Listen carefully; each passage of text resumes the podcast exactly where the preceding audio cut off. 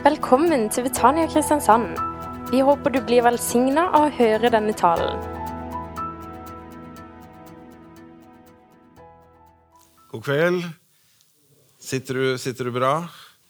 Altså Hvis du ikke sitter bra, så kan du sette, bytte til den ved siden av. Og så se om det blir bedre, selvfølgelig. Men, eh, men eh, det er fint å se dere. Fint å se deg, og velkommen hit. Og, jeg har satt en overskrift for det jeg skal, skal dele i dag, inn i bønnens hus. Nå tror jeg til og med det er noen som har et hus som de kaller bønnens hus. Og, så Det er ikke det huset jeg skal snakke om. Og, og det er jo sånn at vi kan tenke på Betania her som et, som et bønnehus. At det kan være bønnens hus. Og, for det er jo ikke så rart. altså hele Norge så er det jo bedehus overalt. Det ligger jo liksom i selve navnet at det er bønnens hus. Det er jo til og med sånn at Her på Sørlandet måler vi jo farten når vi kjører i antall bedehus i timen. Eh, fordi de ligger med ca. 1000 meters mellomrom langs, langs veien. Og, og, men det er ikke det bønnehuset jeg fokuserer på i det jeg skal snakke om i dag. Jeg, jeg, det er egentlig usynlig, det bønnehuset jeg snakker om. Det, det er hvilken plass eller, det har i livet ditt. Hvilken plass har bønnen i livet ditt? Det er bønnens hus som jeg skal snakke om i dag. Og hva tenker du når du skjønner at talen skal handle om bønn? Jeg vet ikke, jeg vet ikke, du, Liker du å be, eller liker du helst at noen andre gjør det? Altså, det, det, det, Hvordan er det? Og, og, når vi skal snakke om det med bønn, altså Er det kanskje noen som tenker at å, det er enda en ting jeg ikke er flink til? Slapp helt av. Bønn passer best for de som ikke er så flink til det, egentlig. Så det er ikke det vi skal fokusere på. Men det er, det er den derre bønnen, så hvilken plass og hvordan vi har det med den delen av det åndelige livet. Og Da har jeg funnet en bibelfortelling som forteller om to mennesker som ber. De ber ganske forskjellig. Og Jeg skal bare bruke den bibelfortellingen som en illustrasjon av temaet om å gå inn i bønnens hus. Og Det er Jesus som forteller denne lignelsen i Lukas evangelium kapittel 18 fra vers 9 til vers 14. Til noen som stolte på at de selv var rettferdige, uffa meg, og så ned på alle andre, fortalte Jesus denne lignelsen. Akkurat. Det her er det noen som skal få sitt pass påskrevet. To menn gikk opp til tempelet for å be. Den ene var fariseer, og den andre toller. Fariseeren stilte seg opp for seg selv og ba slik.: Gud, jeg takker deg for at jeg ikke er som andre mennesker, de som svindler, gjør urett og bryter ekteskapet, eller som den tolleren der. Jeg faster to ganger i uken og gir tiende av alt jeg tjener. Tolleren sto langt bak og ville ikke engang løfte blikket mot himmelen. Han slo seg for brystet og sa, Gud, vær meg synder nådig. Jeg sier dere, tolleren gikk hjem rettferdig for Gud, den andre ikke. For hver den som setter seg selv høyt, skal settes lavt, men den som setter seg selv lavt, skal settes høyt. Det var jo ikke noe tvil om at fariseeren var den flinkeste til å be, hvis, hvis, det betyr noe. Men det var ikke han som vinner i denne fortellingen Jesus fortalte. Det var han som ba oppriktig. Han som vågde å bare komme med den han var. Den fikk bønnesvar. Det er nok et frelsesmøte. Her, vi, vi liker å snakke om sånt. Det er i Britannia. Det er nok et frelsesmøte Jesus forteller fra her. Så det var jo veldig bra at den bønnen, som kanskje var liten, som kanskje var svak, den ble det fullt tilslag på. For den kom fra hjertet. Og da skjønner du og jeg dette kan vi være med på. Du og jeg kan også åpne vårt hjerte for Gud. Et førsteinntrykk av bønn det er jo det at det er å henstille til Gud om hjelp i ulike situasjoner. og Her er det et sånt, eh, sånt bønneemne. Altså, dette er en fortelling, Det sies at dette er et barn som har bedt denne bønnen her. Kjære Gud, ta vare på deg selv. Og du skal få meg, Jeg har aldri hørt akkurat den bønnen, så, Så det er en sånn fortelling. Men dette er bare første halvdelen, for først er det 'Kjære Gud, ta vare på deg selv'. For hvis det går dårlig med deg, så er det ute med oss. Og, og den syns jeg er så festlig at jeg måtte ta den med. Barne, fra, gullkorn fra barnemunn kan også finnes på, på bønnemøtet. Um, vi er ikke vant til å be på den måten. er vi det? Så blir du litt urolig når liksom Gud tar vare på deg selv. At det blir liksom uvanlig. Ja, men det er en bønn, uvanlig bønn som kommer fra hjertet den har noe med seg. Fordi Gud, han farer, hans øye farer over hele jorden for å støtte den som er helt med han i hjertet. Du skjønner, Jeg tror Gud er mye mer interessert i den svake tro enn vi kristne ofte er. Han er mye mer interessert i den stille bønnen som stiger opp der vi kanskje helst tenkte at det ikke kom noe bønn. Bønnelisten over bønneemner den er en naturlig sted å starte for bønn for veldig mange. Og det der er litt underlig for meg. fordi Noen ganger så opplever jeg at vi, vi, vi har en bønneliste. Vi, vi, ber for de tingene. Vi nevner det. Vi kan, kan, til og med lage en liste, og så ber vi. Og så, så skjer det liksom Jeg tror mange kanskje tenker ja, nå er vi ferdig. Hør her. Jeg skal komme med en spissformulering. Bønnen starter der bønneemnene slutter. Det er da det begynner. Når vi har fått lov til å tømme ut vår bekymring, våre, det vi tenker på, det som betyr noe for oss, da er vi der på terskelen av de kanskje kan høre fra Gud. At han kan begynne å tale at det kan skje noe i det åndelige. For av og til er våre behov de, de på en måte, de er, de er, så på toppen av det vi kjenner på, at det, det, det, støyer over alt det andre. Så det er viktig og naturlig for oss. Bønnens hus. Ja, For meg er det sånn at bønne, i bønnens hus, i vårt indre, så er bønneemnet det er vindfanget. Jeg vet ikke hvordan du har det vindfanget ditt. Jeg tenker tilbake på den tida da jeg hadde små barn hjemme. Da var vindfanget det var jo, Der var det støvler. og det, Jeg bodde i en sånn regnværsby. Støvler og, og regntøy og sko. Og, og, det var et ganske lite rom òg. Ja, rett og slett så var kanskje vindfanget et av de, det minst trivelige rommene i huset. Det var ikke, det var ikke, hvis noen kom til besøk på meg og sa kan vi ikke bare være her i vindfanget ja, Det er utrolig sjelden. Du må komme lenger inn. Det er der det alltid kjekke er. Det kjekke er lenger inn. Kom inn, da. Så hyggelig at du kom. Kom inn. Bare heng av deg der og kom lenger inn. Kom, da. Ja, for Hvis vi blir stoppa i vindfanget, så vet du hva det betyr. Ja, da, da er du Det passer ikke akkurat nå. Eller du, du, skal selge meg noe jeg ikke vil kjøpe. Eller, ikke sant, du skjønner. Altså, det er noe med det der at Bønneemnene våre er ikke hele historien. Bønnelivet er ikke bare våre bønnebehov. Du kan komme lenger inn i bønnens hus. Kom inn i bønnens hus, sier jeg til deg i dag. Så selv om en kan tenke da, at bønnerommet da liksom er litt sånn, så er det den vanligste veien inn. Så det er ikke noe galt sted å begynne. Bare ikke stopp der. Bare fortsett å gå videre. Og hvordan kan vi da på en måte komme videre i bønn? Vel, jeg skal snakke om at bønnen kan ha tre kanaler. Tre kanaler. Og Den første kanalen er ordene. Da vi bruker ordene våre. Der, og der er jo bønneemnet. Vi setter ord på det vi tenker på. Men du kan gå litt videre. Du kan begynne å sette ord på det du har å være takknemlig for. Altså Det er egentlig en ganske enkel øvelse. Noen ganger så gjør vi det med barna. liksom, Popkornbønn kaller vi det. og Så skal du takke for noe, så, kommer barnas bønner. Og, og, Noen ganger har jeg tenkt at mange voksne burde, kristne burde høre på disse popkornbønnene. For det setter ord på noe av det vi har å være takknemlige for. Hvis du først begynner, så har du det gående hele ettermiddagen. For det er så mye vi har å være takknemlige for. Tenk på alt vi har fått. Tenk på alt som er godt. Tenk på alt som fungerer her til lands. Tenk på alt som er bra med et tett tak på en dag som dette. Og strømmen er på. Og det er varmt vann. skjønner du? Alt fungerer. Jeg har ikke gjort noe, eller jeg har skrudd på bryteren. Men det er jo faktisk noen som har lagt rørene. Det er faktisk noen som har bygd kraftverkene. Det er noen som har lagt taket på huset mitt og her i Betania. Tenk så mye som vi har å være takknemlige for.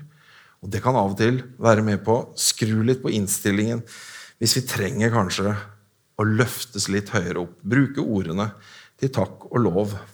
Noe av problemet med bønn med ord det er jo at det blir litt sånn Ja, det er lettest for oss som liksom har lett for å la skravla gå. Det blir en sånn skravleting. Men det er ikke hjertet i bønnen, alle ordene. Så hvis det stopper opp med ordene, da, ja, da kan du bruke bibelteksten i bønn. Du kan lese et av versene i Bibelen og bruke det i din bønn. For det er klart, dette er jo bedre enn alt det vi klarer å finne på. Så her får du gratis drahjelp. Du kan sitere. Gud, du har jo lovt. Så kan du sitere et bibelvers. La det skje. Da er det Du får på en måte Du løfter styrken i bønnen ved hjelp av Bibel. Og Derfor er det sånn at bønn, den, bønn det passer egentlig best over en åpen bibel. Det er en samspill der. Og i bibelboka så står det jo masse bønner. Fader vår er jo det åpenbare eksempelet. ikke sant? Ja, du kan lese Fader vår. Du kan begynne med det. Hvis ordene dine liksom stopper deg, du, det blir vanskelig, ja, se om du kan lese bibelordene og bruke det i bønnen. Når jeg vokste opp i eh, flere forskjellige pinsemenigheter, så, så, fikk jeg liksom den innstillingen Jeg plukka det vel opp i det miljøet at sånne skrevne bønner at det var litt sånn, var litt sånn dårlig. Du måtte være inspirert og kunne formulere din egen bønn. skjønner du? Men det der har jeg forandra mening på. Det er fint å være inspirert, jeg tror på det, men det er da ikke noe galt med skrevne bønner. Da kan du jo til og med rette de hvis de er litt dårlige. Og Bibelen, hva er det? Det er Masse av det er jo skrevne bønner. Ja, Det er flott, det. Det kan noen gang hjelpe hvis du har en bønn som er skrevet ned, kanskje. Det, det, det, har du hørt denne Frans av Assissis bønn? Ja, Hvis du ikke vet hvordan den er, så kan du jo slå den opp når du kommer hjem. Det er ikke så verst, den. Og så fins det mange andre bønner. Så får du litt drahjelp med å sette ordene dine i gang. Det hjelper deg på vei. Og hvis du gjør det av et åpent hjerte, så er det like godt som alle andre inspirerte, mer eller mindre inspirerte bønner. Bruk ordene, den første bønnekanalen. Det hjelper deg lenger inn i bønnens hus. Men jeg er nok der at jeg tenker at de to neste kanalene, der er det enda dypere, enda bedre, enda mer å hente. Og kanal nummer to det er stillheten. Sukkene.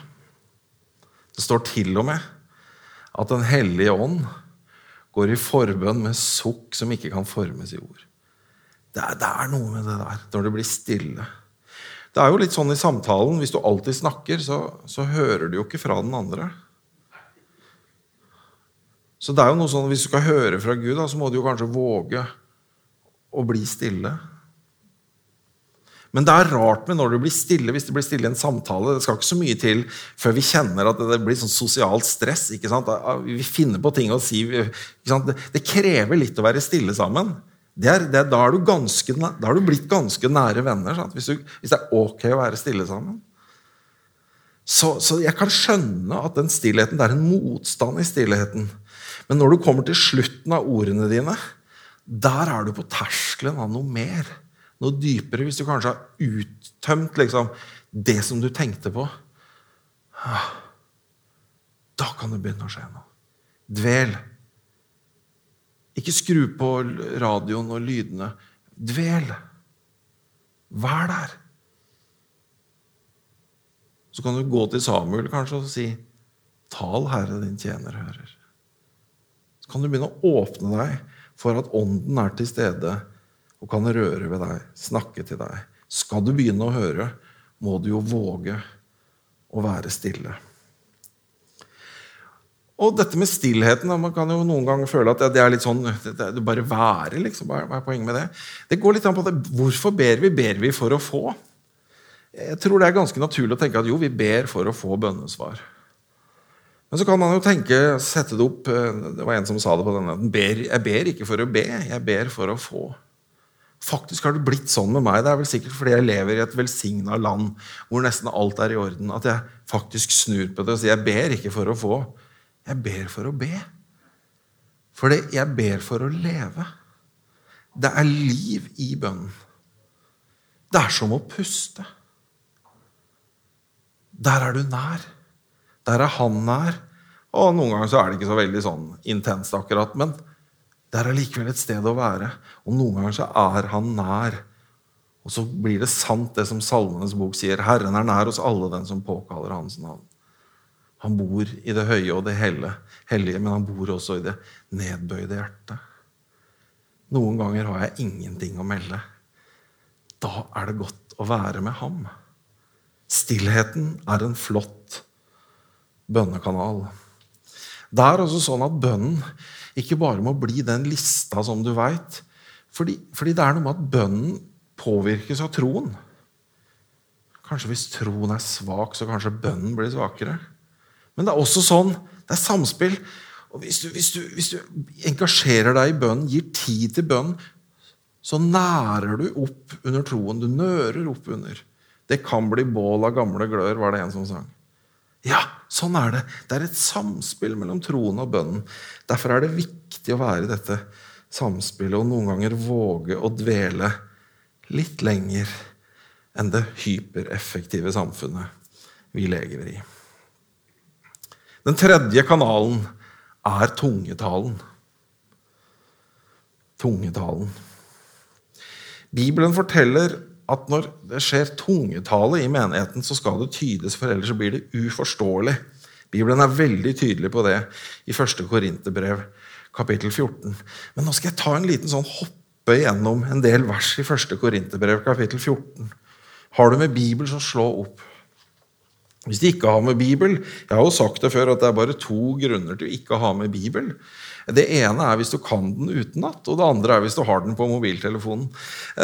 Men det var jo selvfølgelig litt flaut hvis du nå akkurat i dag ikke hadde med Bibel eller Bibel på mobiltelefonen, og så sa jeg det på den måten. Men det er alltid godt å ha Bibelen tilgjengelig. Så nå blar jeg opp i 1. Korinterbrev kapittel 14. og skal vi se hvor mange vers er det jeg har. 1, 2, 3, 4, 5, 6. Jeg Skal hoppe nedover. Begynner på toeren. Begynner på toeren. Der står det For den som taler i tunger, taler ikke for mennesker, men for Gud. Ingen kan forstå ham. Han taler hemmeligheter i ånden. Det høres jo bra ut. Hemmeligheter med Gud. Hemmeligheter i ånden. Hopper til fireren, vers fire. Den som taler i tunger, oppbygger seg selv. Så er det mer da om profetisk at det er enda bedre oppbygger seg selv. du. Det er flotte saker. Trenger du å bli oppbygd noen gang? Det trenger jeg. Og her har jeg sannelig fått noe som gjør det. Så, så står det i vers 5 rett etterpå Jeg skulle ønske dere alle talte i tunger. Men enda mer at dere talte profetisk. For det er enda bedre å tale profetisk. Jeg skulle ønske at alle talte i tunger. Så kommer denne eh, nå er flere vers på rad her i kapitlet som forklarer dette med at hvis vi taler i tunge i møte, så blir det uforståelig, og derfor skal det tydes. Og så går han eh, inn på det. Bibelen forklarer det inngående. Men hopper jeg nå til vers 14. Der står det, vers 14, For hvis jeg ber og taler i tunger, er det ånden min som ber. Du kan be med ånden, ikke forstand. Ordene er jo knytta til forstanden. ikke sant? Kanskje vi kan være frimodige og si at stillheten kan på ett vis være knyttet til følelseslivet. Men når, med tungetallet det er i, i, den åndelige delen av vår personlighet. Det er spennende, det der. Og så kommer vers 18. Jeg takker Gud for at jeg taler mer i tunger enn noen av dere.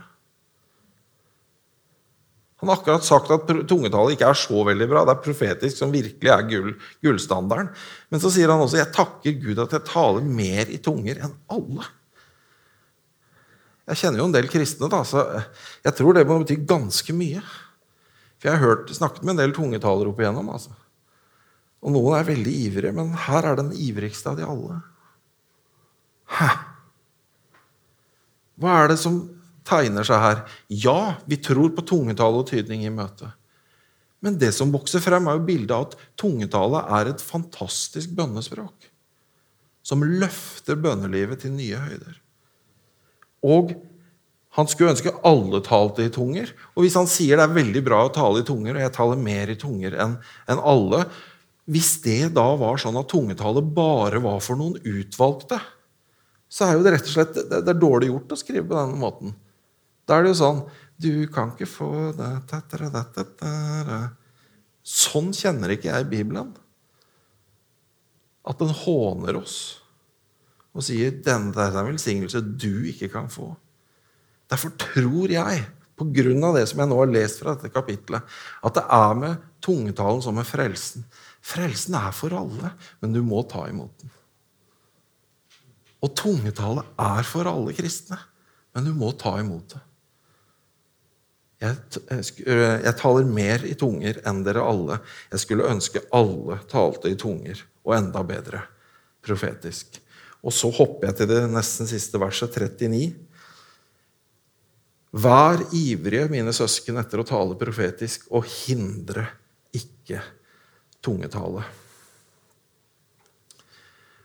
Og Jeg vet ikke hvordan du tenker rundt disse tingene. Jeg har møtt kristne som har hatt en tungetaleopplevelse en gang, og så ikke ber i tunge lenger. fordi er, det, er, jeg ren nok? Er jeg hellig nok? Ja, Da kan jeg si det med en gang. Nei, ingen av oss er det. kan jeg bare avskrive med en gang. Ingen er rene nok, og ingen er hellige nok. Det er ikke det det går på. Det er det han har gjort, som er nok. Da vil jeg si til deg, Hvis det er sånn at du har gjemt det bort, så vil jeg si vekk opp igjen den nådegaven som er i deg. Vekk det til live igjen. Slipp det frem. For den som taler i tunger, oppbygger seg selv. Også hvis du tenker sånn som dette ja, men 'Jeg har prøvd, jeg har gått på forbønn 42 ganger.' Og det, har liksom, jeg får det aldri. Får, det kommer aldri. Jeg får det aldri. Nei, det er mange som har hatt den følelsen der. Jeg vet ikke om vi har forkynt det feil, eller hatt en kultur som har gjort det feil.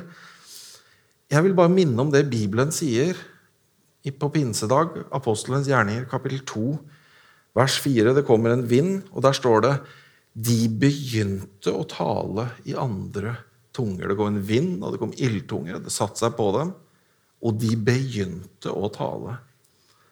Jeg tror vi har undervurdert det menneskelige elementet. At det er faktisk riktig og bibelsk å begynne å tale i tunger. Det er ikke bare sånn at det skal være den der veldig sterke åndsopplevelsen. at det liksom, det bare, Nå skjer det nå. Og at du ikke har kontroll over deg selv, og at det bare skjer. Noen kan jo bli skremt av det, fordi man liker ikke å miste kontrollen. Min erfaring er at jeg har Full kontroll, ja. Jeg, må, jeg kan begynne og slutte når jeg selv vil. Det har alltid vært sånn at det begynner og slutter når jeg vil. Men da må jeg også ta på meg jobben med å begynne. Å begynne. Jeg, jeg var på leir. Det var den kvelden jeg liksom bevisst ga livet mitt til Jesus for sånn, sånn Jeg regner som min kveld. 6. august 1986 på leir, Gaustad leirsted. Det var frelsesinnbydelse. Jeg gikk frem, jeg knelte, det kom en forbeder. Vi ba frelsesbønnen, halleluja. Det var veldig bra. Og så så han på meg og så sa han, du, du, Føler du at det er noen ord inni deg som er litt rare, som du, har, som får lyst til å si? Ja, det, det, gjør jeg. Ja, jeg kjente at det var litt sånn. Men er det sånn at du ikke tør å si dem fordi du er redd for at det er bare noe du finner på sjøl? Ja! Akkurat det jeg er redd for, sa jeg til han. Så så han på meg og sa kan vi ikke gjøre et forsøk. At du bare sier det litt lavt, da, så bare jeg hører det. Og så, og så, hvis, og så skal jeg heller si, hvis jeg hører at det er noe du har bare funnet på sjøl, så skal jeg si det. Og da vil Gud tilgi deg, for da har jeg nesten lurt deg til å si det. Da, Gud vil tilgi deg da. Ja, men det er greit, sa jeg. Så lente han liksom øret inntil. Så sa jeg de ordene jeg fikk for meg der. Så stukk han liksom tilbake og så meg inn i øynene og sa Torsten, det der er det rareste, det dummeste tror jeg han sa, jeg har hørt i hele mitt liv. Det der kan du ikke ha funnet på sjøl. Jeg sier ikke at det var god teologi, men det var akkurat nok psykologi til at det åpna døra for meg der og da. Da ble jeg en tungetaler. Og så var det sånn, Vi hadde bønnemøte, det, det varte hele kvelden. Vi var disse ungdommene sammen. Jeg så syner, og, og den dagen visste jeg at jeg skulle være en predikant. Kommer derfra. De begynte å tale. Jeg bestemmer når jeg begynner, og når jeg slutter. Så hvis du i tro gjør det, går til Bibelen, sier at Jesus sier, 'Hvordan vil han som er god, gi sine barn en stein hvis de ber om et brød?' Hvor mye mer vil ikke jeg gi Den hellige ånd til de som ber det? Vi har løfter. Løftet gjelder dere og så mange som hører det, langt borte. Vi har Løftene ligger der. Og tror du det, så kan du i Jesu navn begynne å tale i tunger. Altså, det der er veldig interessant. Eh, jeg, for jeg hadde noen sånne ungdomsvenner, og de, den ene ungdomsvennen sa sånn Ja, det er noen som sier at tungetall er bare noe vi finner på sjøl, men jeg har hørt litt etter på det jeg sier når jeg taler i tunger. Og da må jeg si at jeg er utrolig stolt over hvor mye jeg klarer å lire av meg. For det, der, det er så mye rart som kommer ut, så det der kan jeg. Jeg tror ikke det er noe jeg finner på sjøl. Ja, jeg vet ikke om det er god teologi, men det var interessant å ha den samtalen med noen av kameratene i menigheten. Ja, ja, vi får stå på da. Derfor begynte jeg å høre etter. Hva er det jeg hva er det jeg sier når jeg ber i tunger? Og da, når du først begynner på den måten, så, så skjønner du det at ja, du kan jo be i tunger uten å sette lyd på.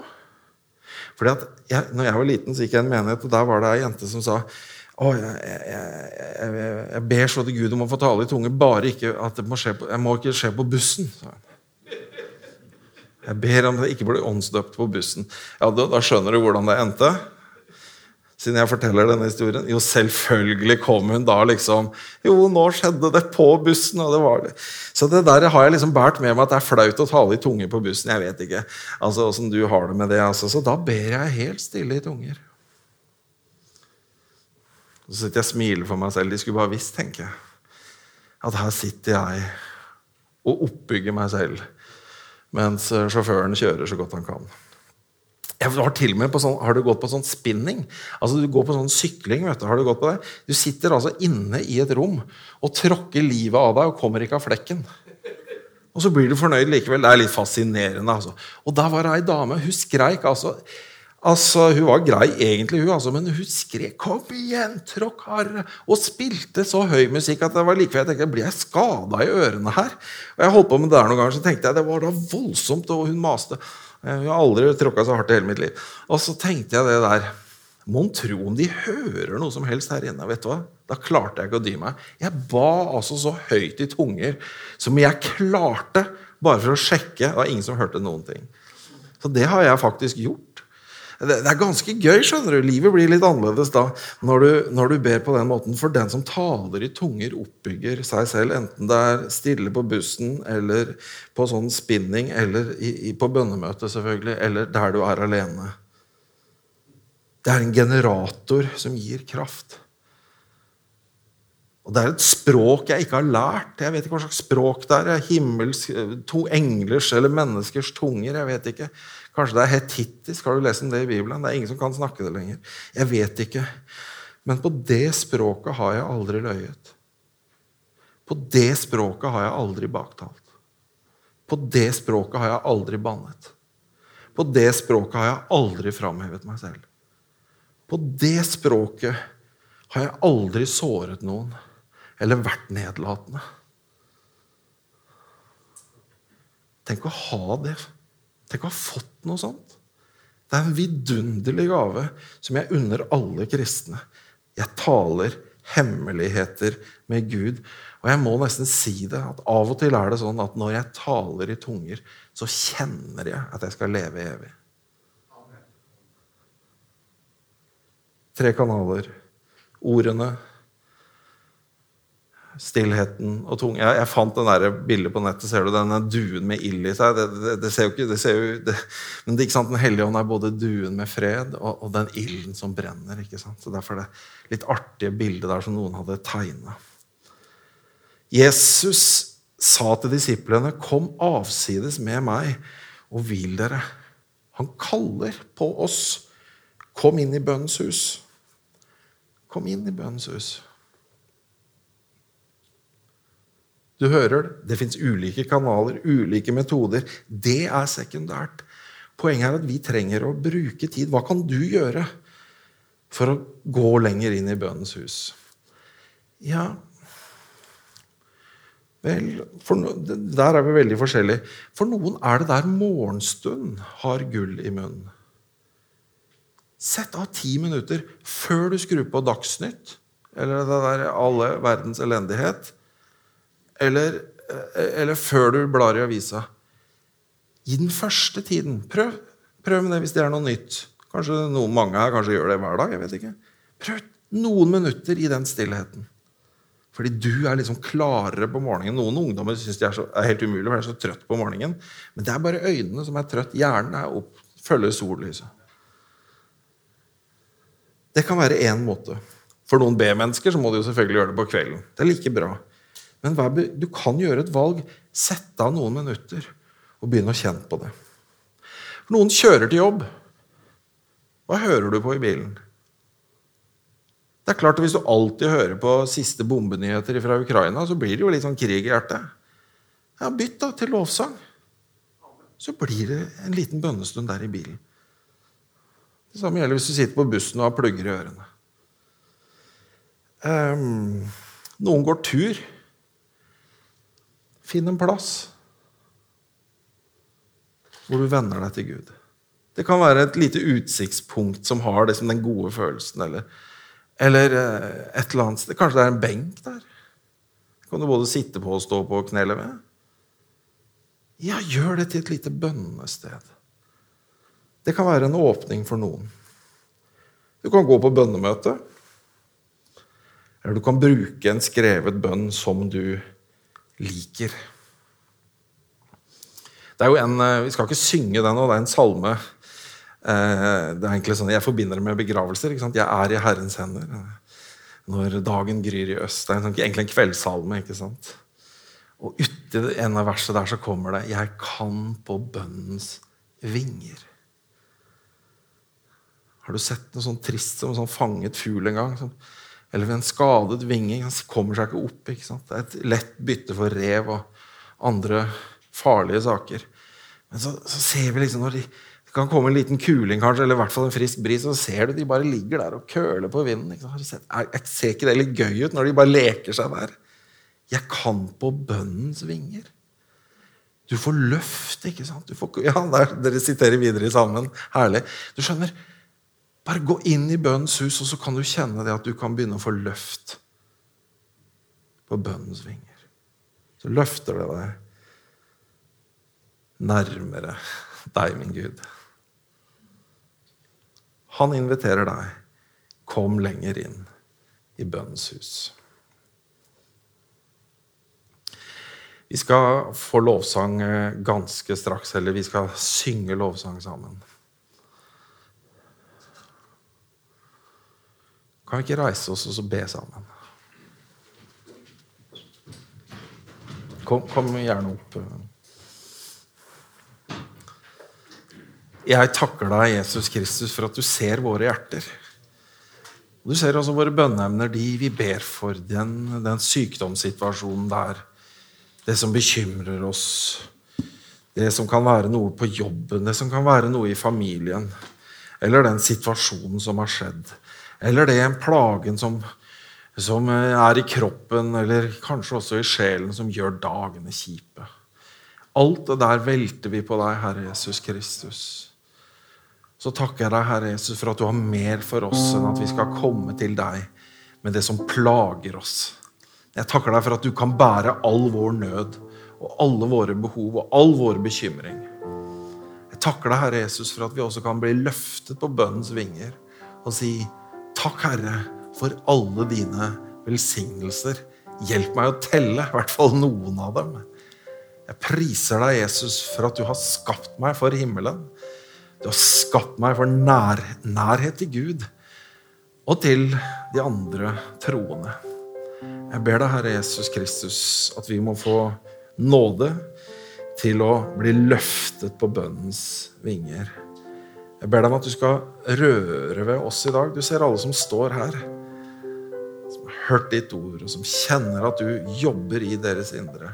Gi dem noen gode ideer som kan, de kan sette ut i livet og gå lenger inn og dvele i bønnens hus.